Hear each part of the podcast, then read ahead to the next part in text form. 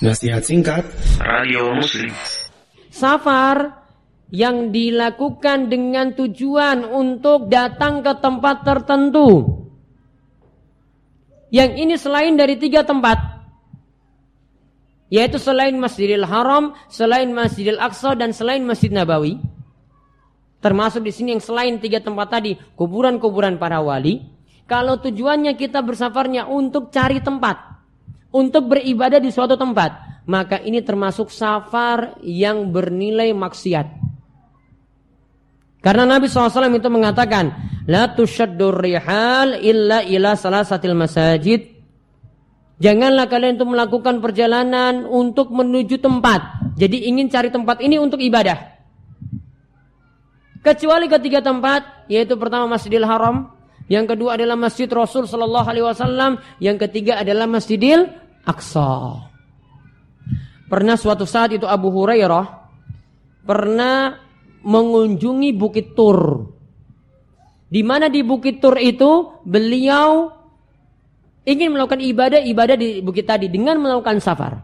Maka ada saat itu yang menegur beliau yaitu Abu Basra Al-Ghifari menegur Abu Hurairah, Abu Hurairah seandainya engkau tahu hadis tadi, la tusyaddu rihal illa ila salasatil masajid.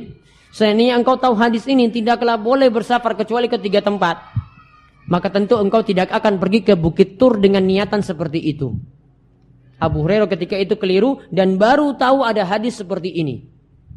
Ini menunjukkan kalau kita sengaja safar, biasanya disebut dengan wisata spiritual. Di bisnya ditulis wisata spiritual.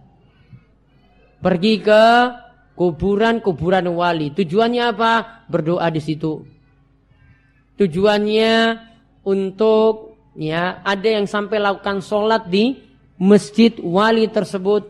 Maka kalau tujuannya datangi tempat untuk ibadah di situ, maka safarnya sendiri, perjalanannya sendiri dinilai adalah safar maksiat. Maka demikian juga kalau ada ritual pesugihan menempuh safar seperti tadi, safarnya untuk jalannya sendiri, jalannya sudah termasuk safar maksiat.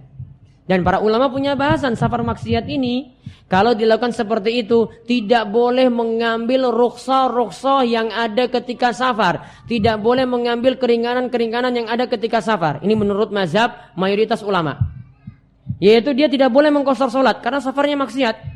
Dia tidak boleh membatalkan puasa karena safarnya maksiat. Ruksa atau keringanan cuma diberikan bagi orang yang safarnya itu minimal mubah atau safarnya adalah safar ketaatan. Tidak boleh dalam safar maksiat.